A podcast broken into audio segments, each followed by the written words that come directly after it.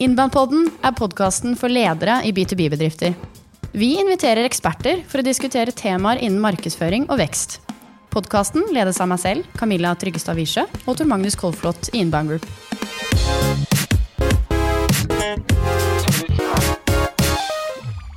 I dag skal vi snakke om hvordan man markedsfører seg og treffer smale målgrupper, som veldig ofte er det vi håndterer når vi markedsfører innenfor B2B. Eh, og veldig mange ganger, særlig eller ofte blant våre kunder også, så kan man nesten, hvis man setter det litt på spissen, telle antall potensielle kunder på en hånd. Eller i hvert fall kanskje noen få hundre, noen få tusen. Eh, og det, dette her er jo en helt annen verden enn å markedsføre såpe og pizza og sko til eh, alle nordmenn i hele landet. Så dette skal vi dykke litt inn i i dag. Først og fremst se litt på hvordan bør man spisse markedsføringen sin, og hvor spisset bør man egentlig være. Eh, og når du har gjort det, hvordan sørger du for at disse spisse, smale målgruppene faktisk får det innholdet du skal lage? Og vi har med oss intet mindre enn eh, to gjester som jobber hos oss. Thomas Christiansen, du er digitalmarkedsfører og jobber i det daglige med å sørge for at disse smale målgruppene får dette innholdet. Så du jobber mye med distribusjon. Du, Tommy Kristiansen. Det er mye like navn her. Holder tunga litt rett i munn. Du er innholdsrådgiver eh, og spesialiserer deg på å utfordre kundene våre på å spisse budskapene sine. Eh, hvilke målgrupper skal du velge, hva skal du velge bort? Sørge for at du snakker om alt for noen istedenfor om noe til alle. Tusen hjertelig takk for at dere vil være med eh, som gjester i dag. Hva opplever du, Tommy, er det viktigste å starte med så sånn, vi, snakke, vi, skal snakke mye i dag om hvordan du sørger for at innholdet kommer ut, altså distribusjonen av dette her. Uh, men vi snakker veldig ofte om det å spisse seg inn på idealkunder. Sørge for at du skal snakke om alt for noen istedenfor om noe til alle. For de aller fleste tenker jo, i hvert fall min erfaring, at de tenker at de har allerede smale målgrupper. Um, og man er redd for å velge bort, og så ender man i en situasjon hvor man snakker om litt til alle. Hva, hva er liksom ditt første råd til, uh, til hva man bør tenke på? Nei, vi begynner jo ofte med eh, idealkunde, som du nevnte. Idealkunde er jo en eh, beskrivelse av den kunden du aller helst vil ha innenfor din målgruppe. Og det er jo dem vi ønsker å målrette oss inn mot når vi lager innhold. Så en idealkunde det er ofte mm, fem-seks karakteristikker. Det kan typisk være eh, hva slags bransje de jobber i, hvis du selger til flere bransjer. Det kan være en størrelsen på selskapet, mål til omsetning eller antall ansatte. Det kan være hvor de holder til, eller det kan også handle om hvorvidt de har en IT-avdeling eller ikke. Så det er å finne, liksom definere den, eh, den, kunden du aller helst eh, skulle ønske eh, banka på døra di da, av, av målgruppen din. Mm. I hvilken grad opplever du at, at norske B2B-selskaper er gode på dette her? Dette er jobben din, å få ja. selskaper til å, til å, jobbe med dette? Ja, og i, i min erfaring så, så er det, liksom to, to vidt, vidt, forskjellige eh, tilnærminger til det. Eh, så, så, du har eh, de som har veldig få eh, um, eh, som de kan selge til. Så tenk rundt 100, kanskje opp til 1000, kanskje enda færre. Jeg opplever at de i større grad kjenner Eh, målgruppen sin enn de som kanskje har eh, 1000 pluss og selger til kanskje ulike bransjer eller eh, ulike produkter innenfor, eh, innenfor virksomhetsområdet. Så, så, er noen er ganske flinke til, eh, til dette her. Eh, kanskje ikke vet alt med en gang, eh, kanskje ikke tenkt gjennom alt når vi jobber med dem. Men eh, så har du andre som eh, har mye mindre peiling, rett og slett. Dette er et spørsmål til deg, Tor Magnus. Du ble ikke introdusert som gjest, men du er fast i inventaret her. Eh, så hvis vi tar et sånn lite steg tilbake kanskje og ser litt på um, hva det er som egentlig skiller B2B fra B2C-markedsføring. Så det vi snakker om her, er jo det å markedsføre veldig tydelig og spisset inn mot, sånn som du sier, Tommy, kanskje 100, kanskje 1000 mennesker istedenfor hele, hele Norges befolkning. Um, hva tenker du, Tor Magnus, måtte er det viktigste å ha med seg når man skal målrette seg innenfor B2B-markedsføring? Ja, det er stor forskjell på å selge såpe til alle nordmenn kontra en software til én million til noen bedrifter.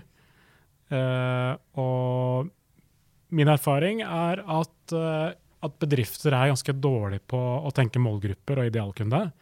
At de er redd for å ekskludere uh, potensielle kunder. Og tenke ja, men alle bedrifter i Norge kan kjøpe mine produkter. Ikke noe problem. Men det er alltid noen kunder som er lettere å selge til og som er større sjanse for å kunne kjøpe og bli lykkelig over tid av dine produkter. Så det å, jobbe med målgrupper idealkunde tror jeg er superviktig.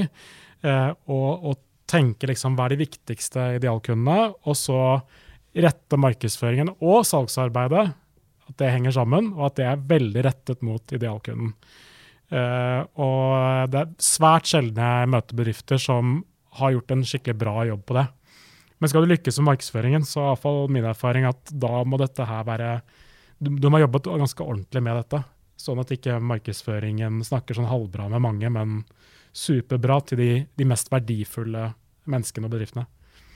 Men uh, nå svarer jeg ikke på spørsmålet ditt, Camilla. Jeg syns egentlig du gjorde det. Gjorde det? Ja, du undervurderer deg selv. Okay. Så um, jeg synes Hvis vi ser litt på et eksempel, da. Du nevnte jo litt det, Tommy. Um, og jeg vet at du jobber med, med, denne kunden, men vi har et selskap uh, som vi jobber med, som driver med anti-hvitvasking. Uh, og de vet veldig tydelig, helt ned på en Excel-liste, hvem som er potensielle kunder for dem. De har en Excel-liste over 2700-3000 ca. selskaper. Um, og så er det selvfølgelig flere mennesker i de selskapene som skal påvirke den prosessen. Så kanskje man er oppe i liksom 5000-6000 på en måte potensielle individer der ute. Mm. Um, og selv der så kan man jo tenke at man, at man, har spisset seg inn. Ok, vi vet veldig tydelig hvem de er, vi har denne softwaren her, den løser de og de problemene. Men det er også da å segmentere de 5000-6000 inn i bransje, f.eks. Vi vet at de har andre typer problemer de løser med sin software, hvorvidt de er innenfor advokatbransjen, regnskapsbransjen, eh, meglerforetak. ikke sant? Så, eh, så, det handler om å spisse dette her i mange tilfeller veldig langt inn. Sånn at f.eks. en eh, du kan jo fortelle mer om det, men en, en daglig leder har et helt annet informasjonsbehov eh, enn det en IT-sjef da, har i Norsk Tipping f.eks., som jeg vet er kunde av disse her. Ja, det stemmer. Og, og, det er jo også litt på hvordan, eh, hvordan kunden eh, betrakter produktet ditt. Altså hva de skal bruke det til, og hvordan bruker de det. Eh, og det er jo ganske stor forskjell på et advokatselskap eh, og, en, eh, og, et eh, regnskapskontor, f.eks. Eh, selv om de må ha denne løsningen, eller må gjøre et arbeid. Men i hvor stor grad det er en del av Eh, arbeidshverdagen eh, vil jo variere. Så det lønner seg jo alltid når man eh, går litt fram, å finner finne ut vi skal snakke litt mer om det, men personer etterpå. Eh, du kan få lov til å snakke om det nå, faktisk. Jeg kan få lov til å snakke om det, ja. Nei, fordi nå etter man har funnet en idealkunde, eh, så vil man jo etablere personer, som er da ofte beslutningstakere eller eh, påvirkere innenfor den bransjen eller der den idealkunden så er, eh, da kan det være litt forskjellig. Det kan jo være alt fra en IT-sjef som kanskje sitter på beslutningsmakt og har ansvar for kontrakten på produkt. Det kan være en daglig leder. Eh, men det kan også være i kanskje større organisasjoner, hvor du har eh, flere nivåer i hierarkiet. At du har en, kanskje en mellomleder eller en ansatt som, en, som skal bruke tjenesten. Så, så det, er, eh, det, er, å kartlegge eh, hvilke personer innenfor idealkunde er det du faktisk eh, trenger å nå. da. Sånn, hvordan gjør du det sånn rent praktisk, hvis det er noen lyttere der ute nå som har lyst til ja, yes. vi skal lage idealkunde, lage personas, hvor, hva, hva, hvordan går jeg fram? Ja, eh, Det er jo et, eh, et, et, spørsmål mange er nysgjerrig på når vi også har strategifase, hvor, og kanskje litt ukjente med. Hva er en person? En person er jo en semifiktiv representasjon av eh, målgruppen eller de vi ønsker å nå. Så når vi går fram, så stiller vi en del, del spørsmål. Vi prøver å finne ut eh, Vi prøver å gi det et navn, for det første. For type, typisk kanskje Reidar regnskapsfører. Um, kanskje fordi vi vet at det er en mann, stort sett. Det kan være litt hva slags problemstillinger eh, Reidar står i hverdagen. Det kan være eh, hvor han befinner seg på nett, eh, hvilke sider han oppsøker. Um, og alt handler om å egentlig snakke med dem. Eh, snakke med eh, personene dine. Snakke med de menneskene som du allerede selger til, eh, som, som, i, som du ønsker å nå i andre eh, bedrifter også. Så, så, det er jo alltid å, å være nysgjerrig. Eh, ta prat med kundene dine. Eh, finne ut hva er egentlig problemstillingene deres, hva er utfordringene. hva er det de ønsker seg da, av, av, deg eller av tjenesten? Hva, hva, slags spørsmål har de? hva kunne de vært interessert i å få litt ny informasjon om? Og så lage innhold som svarer på de, nettopp de tingene der. Nettopp. Ja, mm. Så bra. Um, og um, når du har laget masse innhold, uh, Tommy, og f.eks. spisset innhold mot uh, regnskapsselskaper, uh, spesifikt mot IT-sjefene, fordi de lurer på akkurat dette her, de har tekstnivå sånn og sånn, de googler på dette, de har dårlig tid, så innholdet må være kortfatta, og så lager dere kanskje masse forskjellige ting. Webinarer og artikler og eh, serier, nyhetsbrev, you name it. Masse greier her. Så går eh, dette her over til eh, Thomas, og han får ansvar for å sørge for at disse IT-sjefene i disse eh, idealkundegruppene faktisk får det innholdet. Eh, for dette er liksom delt hvordan sørger du for at de folka finner fram til deg. Eh, vi snakker veldig ofte om at du må bruke like mye tid på distribusjonen av innholdet ditt som faktisk å produsere det. Um, og her er jo mye sånn tradisjonell markedsføring handler jo veldig ofte om ja, sånn klassiske ting som bannere, eh, postere på T-banen, eh, litt sånne type ting. Og vi er jo en litt annen verden, eh, når i hvert fall vi markedsfører innenfor B2B. Hvordan, hva er det første liksom, du tenker, og hvordan går du fram i en sånn utfordring, Thomas?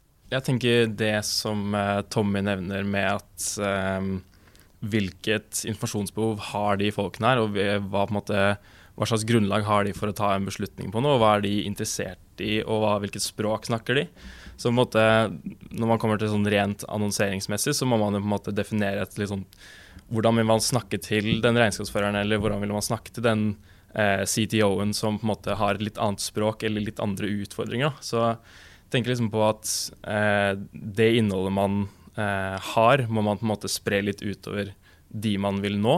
Og så eh, det kommer på en måte ned til litt hvordan man vil strukturere annonseringen. Da. Eh, og det som i hvert fall eh, Tor Magnus nevner innledningsvis med, med, hvem man vil nå, så er på en måte det her en, eh, måte, en strategi hvor man både må inkludere markedsføring og salg. Fordi hvis man kun jobber fra et annonseringsperspektiv, så vil man jobbe veldig halvveis, og eh, det blir vanskelig å få eller agere noe på de resultatene man får. Og jeg tenker eh, hvis salg og markedsføring jobber sammen godt nok på det her, så, så vil det bli en veldig god miks hvor det blir truffet på flere ulike flater. da. Så jeg tenker det er i hvert fall ekstremt viktig. Har du et eksempel Thomas, på eh, en bedrift hvor, eh, hvor, salg og marked jobb, har jobbet veldig godt sammen?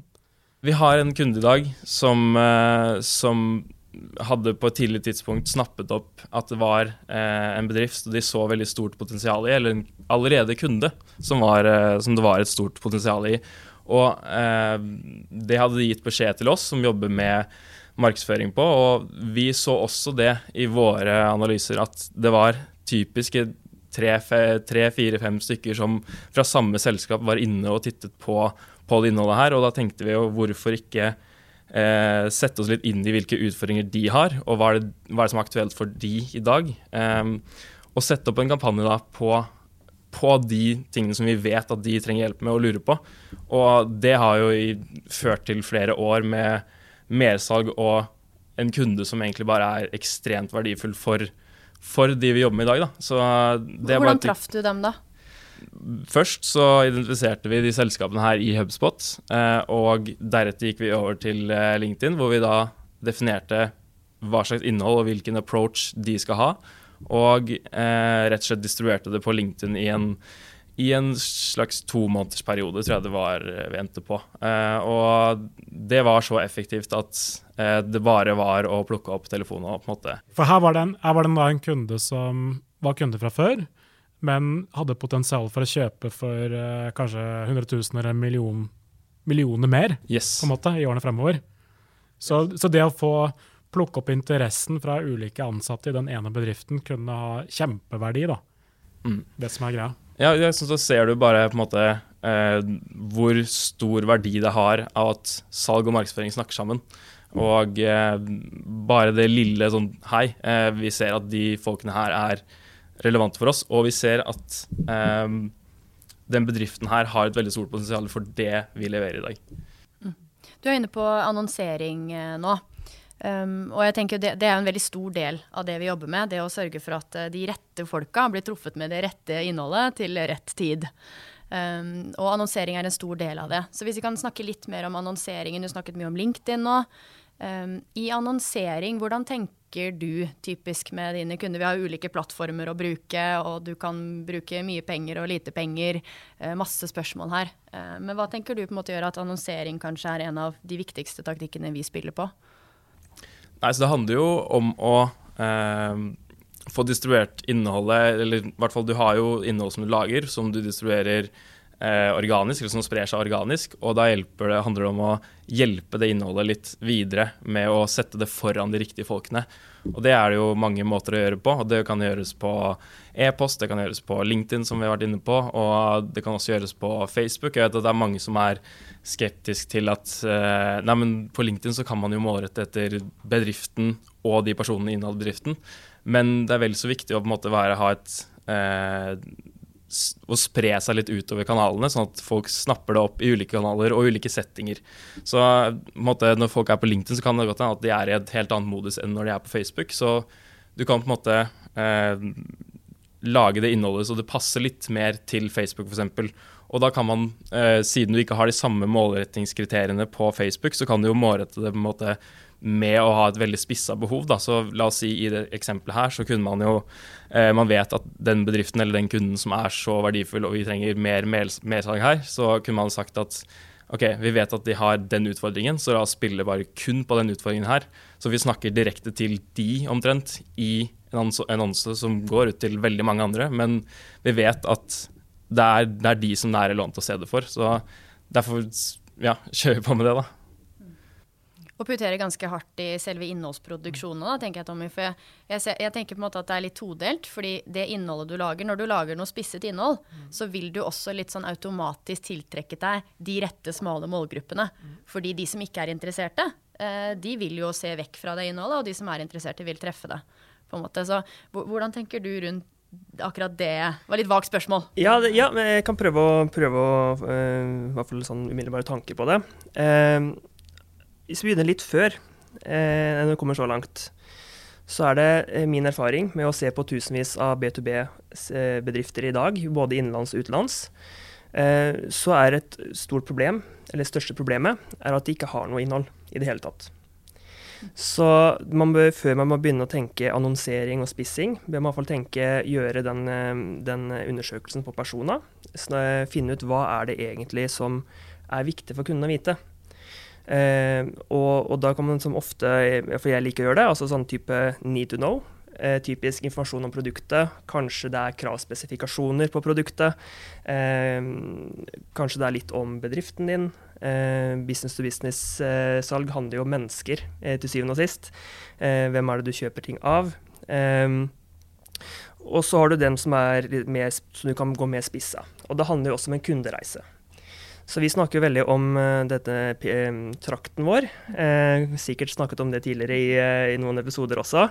men hvor man prøver å, å, å, lage innhold som hjelper kunden gjennom fra han oppdager at han har et problem, til han er kjøpsklar. Og den trakten kan være lang, og det kan være veldig mange steg innenfor den trakten og den kjøpsreisen. Så det er ofte der man begynner, kartlegge den. Eh, hva er det kunden må vite, og hva er det som er kunden trenger å vite, eller altså ikke trenger å vite, men, men som kan hjelpe kunden på det stadiet han er.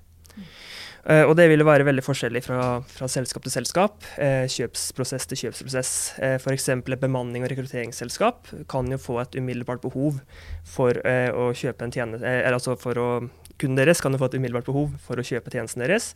Mens hvis du kanskje selger eh, noe som er, ligger inne i en slags strategiplan for kunden i neste år, at vi skal satse på den tingen her, så kan det være lenger. Eh, det kan også være at eh, om fire år så eh, går en eh, kontrakt, rammeavtalen vi har med en annen leverandør ut. Eh, vi begynner den prosessen, kjøpsprosessen to måneder før. Så det kommer veldig an på selskap til selskap. Men man begynner der, eh, og så eh, starter man veldig ofte med å se hvor det største gapet er. Eh, der hvor B2B-selskap har innhold i dag, så er det veldig ofte salgsutløsende budskap med en gang. Sant? Kom og kjøp av oss. Vi er best. Vi er best. Eh, og selv om man skulle skrevet om for, La oss si at man har et typisk toppen av trakten-innhold. Eh, Dette er et kanskje søkt eksempel, da. Men si at man har eh, pizzaovnens historie i Norge som en artikkel og så på bånn av artikkelen sier 'bestill pizzaovn av oss nå'. Det, er som, det henger ikke sammen. Mm. Så da bør man, bør man jo tenke at eh, den bør lede til neste steg. For da, for da, har man funnet ut kanskje at jeg vil vite mer om pizzaovner, for kanskje jeg trenger en pizzaovn. Eh, ok, hva er da neste stegene? Hva, hva slags ulike pizzaovner har du, eller hva enn måtte være.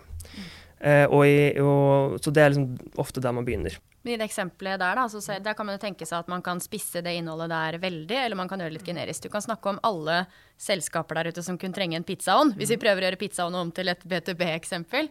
Eh, eller du kan snakke om dette er tipsene til råden for deg som skal ha denne pizzaovnen i din restaurant, eller i din eh, et eller annet. Nå kommer jeg ikke på noen flere gode eksempler, men sånn, det er jo her man også prøver å måte sørge for at de som konsumerer det innholdet der, er ikke alle de forbrukerne som har lyst på pizzaen hjemme, eller kanskje store bedrifter som etterspør større kvantumer og andre typer pizzaovner enn det dere har. Så eh, Vi har en annen episode om, om Facebook, hvor vi går litt inn på de mytene som jeg tror du nevnte litt også, Thomas. Sånn, hvordan treffer man folk på Facebook og sørger for at man treffer de riktige mennesker med det riktige innholdet. Og Der forteller Thomas Moen litt om det han kaller prekvalifiserende innhold. Så der hvor du ikke har veldig tydelige sånn, målrettingskriterier. eh, Jeg tror du kan fortelle mer om dette her, Thomas. Men da bruker du basically innholdet eh, selv, og spissingen av innholdet, til å litt sånn automatisk treffe de riktige menneskene. Kan du fortelle litt om det? Vi gjør det litt for vår egen markedsføring Ja, ja. også, som Thomas eh, jobber med. Syns du forklarte det ganske fint. Det handler jo på en måte i stor grad om å eh, prøve å nå de rette folkene bare ved å spisse et budskap så, eh, så konkret at ba, kun de som er relevante, vil skjønne at det er relevante for de. Så, og med det kan man også tenke at de som faktisk klikker seg inn på annonsen, er de som er relevante å nå. Som man kan gjøre markedsføring mot de senere igjen. da. Da Eh, vil algoritmene på en måte skjønne det litt av seg selv. Yes, så det som Tommy var inne på også med at man da i bunnen av artikkelen f.eks. sender de videre til et annet steg som er relevant. Da. La oss si f.eks. at det er et webinar. For eksempel. så melder det seg på et webinar, og så går de på en måte stegvis gjennom en prosess som er etablert på nettsiden fra før av.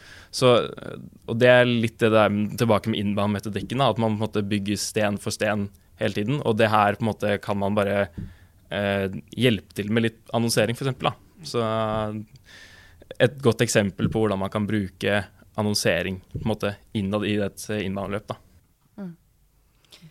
Hva hvis eh, målgruppen din er så liten at den kan telles på en hånd eller to? Hvis du f.eks. selger eh, et eller annet som bare ti selskaper i Norge kan kjøpe. Hvordan jobber man da? Godt spørsmål. Eh, Det er jo noe vi jobber med hver dag. Så, og vi får ulike caser hvor, hvor bl.a. sånne ting er relevant. Da. Og eh, jeg tror det viktigste er å på en måte holde de varme, for ofte i, i kjøpsprosesser i B2B så er det Det kan ta opptil et år før et kjøp skjer. Eh, Så det handler på en måte om at, som, som Magnus var inne på i stad, at salg og markedsføring, at alle på en måte jobber sammen og er klare over at det er de, de her vi vil nå. Så man f.eks. med markedsføring da kan egentlig bare få budskapet foran de rette folkene. Og eh, salg jobber med f.eks. e-post, og på en måte at alle de prosessene her er med på å støtte opp om det vi gjør, og at er, de folkene er de vi skal nå. da.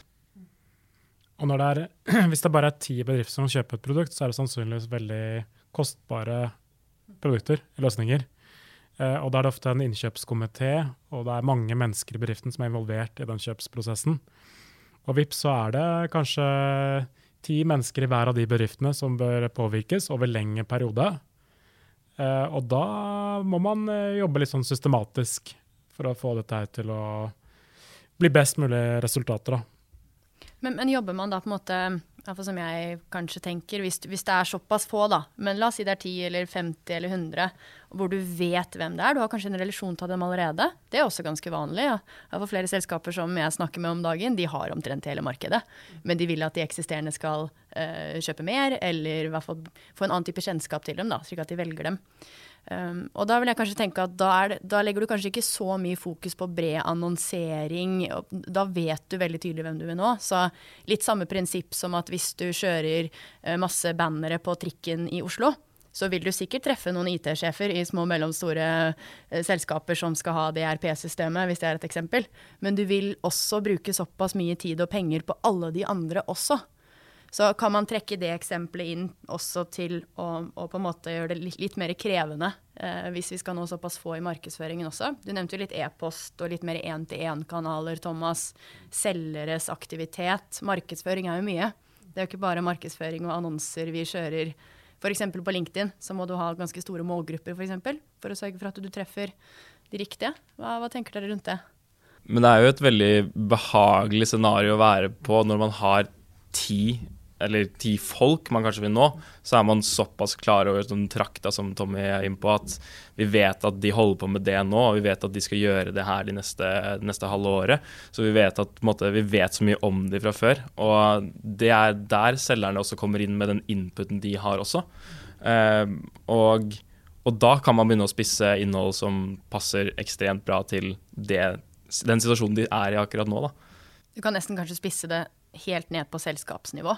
At man kanskje lager et webinar utelukkende for det selskapet der. Jeg vet at Det ene eksempelet du tok frem i stad, var Kongsberg Gruppen. Ganske svært selskap. Masse avdelinger, mange ansatte eh, og et kjempestort potensial. Så vet jeg ikke hva som blir gjort der, men det er noen som tenker da at ok, da, da, da lager vi noe markedsføringsinnhold som er utelukkende for det. Sånn, velkommen til deg, Kongsberg Gruppen. Vi skal snakke om dine utfordringer.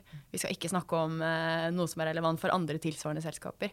Så man kan jo spisse det ganske ekstremt også, Tommy.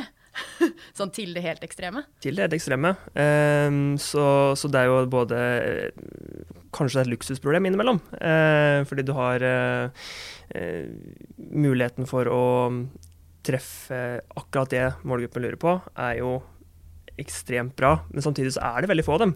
Så det er litt sånn eh, eh, Hvordan skal man gå fram? Det er litt forskjellig. Nå jobber ikke jeg med så mange kunder som har, eh, samarbeidspartnere som har så få kunder. Eh, så det er de jeg ofte jobber med, har alt fra type 100 til kanskje flere tusen, eh, sånn i utgangspunktet. Men, men, vi ser jo det da, at på de eh, kundene som har færre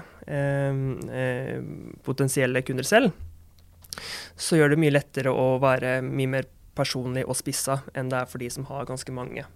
Eh, for de er ofte eh, mer uniforme enn en, en de som har eh, flere typer kunder. Noen ganger så blir man jo litt utfordret til å tenke på flere kanaler. Så vi snakker mye om, i hvert fall vi jobber mye med digital markedsføring. Hva du kan måle, og hva du kan gjøre digitalt der ute. Mm. Um, og så vet vi veldig ofte, i hvert fall noen eksempler som jeg er borti innimellom, uh, hvor man også har andre type kanaler, sånn som bransjeblader, det kan være print, det kan være online, um, hvor du vet at du finner denne smale målgruppen din. Um, hva, hva, tenker dere om litt mer sånn tradisjonelle kanaler, som veldig ofte er innenfor B2B? Og veldig mange B2B-selskaper kommer fra den verden. Ja, vi har drevet annonseringen og bransjeblader. Kanskje funker det, kanskje funker det ikke, men vi vet egentlig ikke. Jeg tenker umiddelbart at uh, skal du generere leads, så er digitale kanaler mye mer effektivt enn bred markedsføring for de aller, aller fleste. Fordi? Fordi du kan treffe målgruppen akkurat med budskapet de ønsker. Men snakker man om mer merkevarebygging, eh, så er det ikke sånn at man ikke bør gjøre noe som helst fysisk, men det er ikke sikkert at det er like lønnsomt. F.eks. sponsorater eh, på fotballag eh, kan være et eksempel. Det kan være eh, en vanlig typisk reklame. Jeg har hatt en kunde som, eh, som eh, kjørte egentlig nesten alt digitalt. Men så hadde de en, bare en sånn, jeg tror det var for langrenn eller et eller annet sånt i, i fjor, hvor de hadde en sånn kort eh, sponset av dette programmet sponset av, eh, av oss. Og de har fått gode tilbakemeldinger fra de eksisterende kundene. Eh, at de Oi, vi så dere der. Eh, og det er klart at eh, det, det kan jo ha positive effekter. Men B2B-selskaper har jo ofte begrensa budsjetter, så det er ikke så mange som har mulighet til å gå begge veier. Så i de aller fleste tilfeller så, så er det nok mye lettere å regne på avkastningen av den investeringen du gjør digitalt enn tradisjonelt. Jeg tenker også det, det er viktig det som vi snakket om i stad med personer, at når man gjør den jobben veldig grundig, så vet man også veldig godt hva de gjør og hvordan de liker å konsumere innhold. Så hvis ni av ti sier at de leser den bransjeavisen som kommer ut i en gang i kvartalet, så er det på en måte ikke noe tema. Der skal man være. Eh, og samme gjelder på en måte relevante podkaster som har små publikum, men du vet at det er, det er de folka vi skal nå. Så selv om på en måte ikke det genererer eh, leads med det første, så så er det også noe som bygger videre på det her med å være i hodet på de som, eh, som hører på det. Så, og det vet man også i BTB salgsprosesser, så det er ikke sikkert at det er relevant for deg nå, eh, men om du hører det og blir minnet på det her gang på gang, så plutselig når det behovet eh, oppstår, så, så, tenker man kanskje fort på på den eh, annonsen man så, eller det lille lydklippet man hørte i en podkast. Så det handler på en måte om en balanse der, da, som jeg tenker er veldig viktig. Og litt på det, det med å på en måte være synlig i flere kanaler, som er ekstremt viktig. da. Og ja, vel så mye som det å på en måte ikke være for avhengig av én type kanal, som man kan snakke veldig mye om, men eh, ja. Eksempel hvis du jobber i sjømatnæringen, og, eller selger til de som jobber i, i sjømatnæringen, og, og, og, annonserer på ilaks.no, eller en av disse tre-fire eh, bransjebladene der, så kan jo det være veldig effektivt. Mm. Så, så, det kommer an på, som Thomas sier, eh, hvor godt kjenner du personene. Eh, og hvor er de? Og hvor er de. Ja. Mm. Så vi skal ikke bannlyse litt mer tradisjonelle kanaler, men kanskje prøve å holde oss litt til det men, online og Camilla, digitale, da? Jeg vil si at uh, Skal du komme og bannlyse nå? Eh, jeg ville aldri satse penger på markedsføring istedenfor B2B utenfor målgruppen. Selv, selv, om det er merkevarebygging som er fokus, eller leads-generering, eller hva det er for noe. Mm. Det, det tenker jeg. Ja, det tror jeg de færreste kan stille, si seg uenig i, men jeg tror det jeg tolker fra deg, både Thomas og Tommy, navnebrødre her, er jo selv, hvis målgruppene er der, og hvis det er spissede eh, steder hvor de er, og du vet du treffer dem og ikke så mange andre, så um, vi for eksempel, et eksempel for oss, vi får ofte henvendelser fra Kampanje som snakker til liksom alle kommunikasjons- og markedsføringsfolk, og som ønsker at vi skal annonsere der. Og så vet vi at ja, kanskje liksom en liten brøkdel av noen norske BTB-ledere der, men flesteparten er ikke det. Så da er det veldig enkelt for oss å si nei. Eh, men så fikk jeg annen, et annet selskap jeg var snakket snakke med, som leverte veterinærtjenester, altså forskningsting som norske veterinærer kjøper. Og de fortalte meg at alle veterinærer leser dette magasinet her. Uh, husker jeg ikke hva det heter, men det var altså et digitalt og et printmagasin. Og da tenker jeg i hvert fall det, det er få andre steder uh, hvor du vet så tydelig at her er alle de jeg skal nå. Uh, men utfordringen er vel kanskje at det er veldig sjelden sånne tilfeller. Eller gode eksempler på sånne kanaler. Men det hadde jeg gjort da, hvis jeg var den i veterinærbransjen her, mm. da hadde jeg i hvert fall prøvd å fange opp effekten på en eller annen måte. da. Spørre ja. nye kunder. Har dere, har dere, lest om oss eller sett logoen vår i, i, bransjebladet? Ja, Og fokusere på den digitale varianten. For da kan du også måle. Ja, da blir det Bruke tracking-lenker, og da kan du faktisk vite det litt mer. Ja, prøve, hvis jeg hadde brukt liksom en betydelig sum på litt sånn analoge kanaler, så hadde jeg i hvert fall prøvd å gjøre en viss innsats for å allikevel klare å måle effekten. For det er så litt sånn skummelt å, å bruke en god slump penger på liksom litt i blinde. Ja, og de greiene der koster veldig ofte mye penger. Vi har jo også et par kunder som har prøvd litt eh, og annonsert i DN f.eks., for eksempel, fordi de skal treffe ulike corporate uh, type personer. Så der vet man at der, der, treffer du på en måte mange av dem. Men uh, de betaler jo av 100 000 for en sånn sideannonse. Og den var på print, og man klarte ikke helt å måle den. Man fikk en del positive tilbakemeldinger, og den var i den digitale varianten også, men sånn, det er veldig ofte dyrt, da. Sånn at man kan få veldig mye mer igjen for det på LinkedIn f.eks. Selv om mange snakker om at LinkedIn-annonsering er dyrt, så er jo alt et regnestykke. Og leads og synlighet blant de riktige målgruppene er jo som regel veldig mye verdt, fordi ting er dyre innenfor BTB. Så er bra. Da fikk vi nesten en liten debatt, da. Så var jeg veldig kjedelig å bare liksom la den ballen der dø.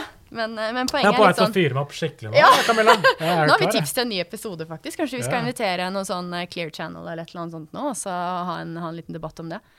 Men, men, poenget var uh, egentlig å se litt på at det er så mange kanaler vi kan snakke i her. Og innenfor B2B så har du ofte så smale målgrupper uh, at du må tenke litt annerledes. Uh, så kan man tenke at noen ganger kan det gjøre det enklere, andre ganger kan det gjøre det litt mer komplisert. Um, men, men, jeg syns vi har vært innom de fleste liksom, kanaler. Er det, er det, noe du tenker, Thomas, som vi ikke har snakket om, når du legger disse distribusjonsstrategiene og råder selskaper til å treffe målgruppen sin? Nei, altså jeg tenkte på um altså viktigheten av å også eh, holde de varme, de som kommer inn. For det er ofte man snakker veldig mye om hvordan få folk til å komme inn, eller få leads-generering, eller å få generere leads. Så, eh, altså, og det å bare på en måte, på en måte påpeke viktigheten, og det gjør vi for alle vi samarbeider med, at eh, vi hele tiden minner på at man må ta vare på de man har også i databasen, som, som på en måte laster ned noe for en stund siden, men som har blitt litt glemt, da, fordi man hele tiden fokuserer på markedsføring, nye kontakter inn, eh, og egentlig eh, passe mer på de man har, selv om de ikke er kunder i dag. Så eh, ja, jeg tror det er veldig viktig å ja, holde de varme. Mm, med godt relevant innhold, så ikke man opplever det som spammete og slitsomt. Det Ja, tror jeg alle kan kjenne seg igjen i, og får kanskje litt for mye som er litt treffer litt for dårlig. Mm. Vi er ved grevens tid på slutten her, holdt jeg på å si, så hvis ingen brenner inne med noe siste de har lyst til å si, så tenker jeg at vi runder av. Skal vi oppsummere med at eh, det er lurt å tenke målgrupper? Hvor mange mennesker man skal nå ut til, er i snitt mye færre på B2B enn B2C. Man må tenke målgrupper på alt av salgs- og markedsarbeid. Sannsynligvis er du tjent med å tenke litt smalere og plukke ut liksom drømmekunden din og fokusere på de som er match på idealkunde. Og sette alle krutt på alle krefter på det. Mm. Det var bra. Det var veldig bra. Alle nikker rundt bordet. Ja. Nå var jeg god. Ja, nå var du veldig god. Og har dere noe annet å tilføye? Jeg tenker kanskje på slutten der, sørge for at du er ekstra god i prioriteringen av hvilke kanaler du snakker i. Ja, nei, eneste jeg vil legge til er eh, altså bli kjent med kunden din. Eh, gjør veldig god mye jobb på det. Snakk med salg, snakk med de som har kundekontakt. Finn ut mest mulig om dem. Og det her er ting som utvikler seg over tid, så du blir mer og bedre kjent med dem. Men jo bedre kjent med dem du blir, jo lettere er det å, å lage målretta innhold. Til dere lyttere der ute, eh, lik, del, kommenter, gjør alt du kan eh, inne der hvor du hører på podkast, så sørger vi for å nå fram til enda flere norske selskaper der ute. Takk for nå!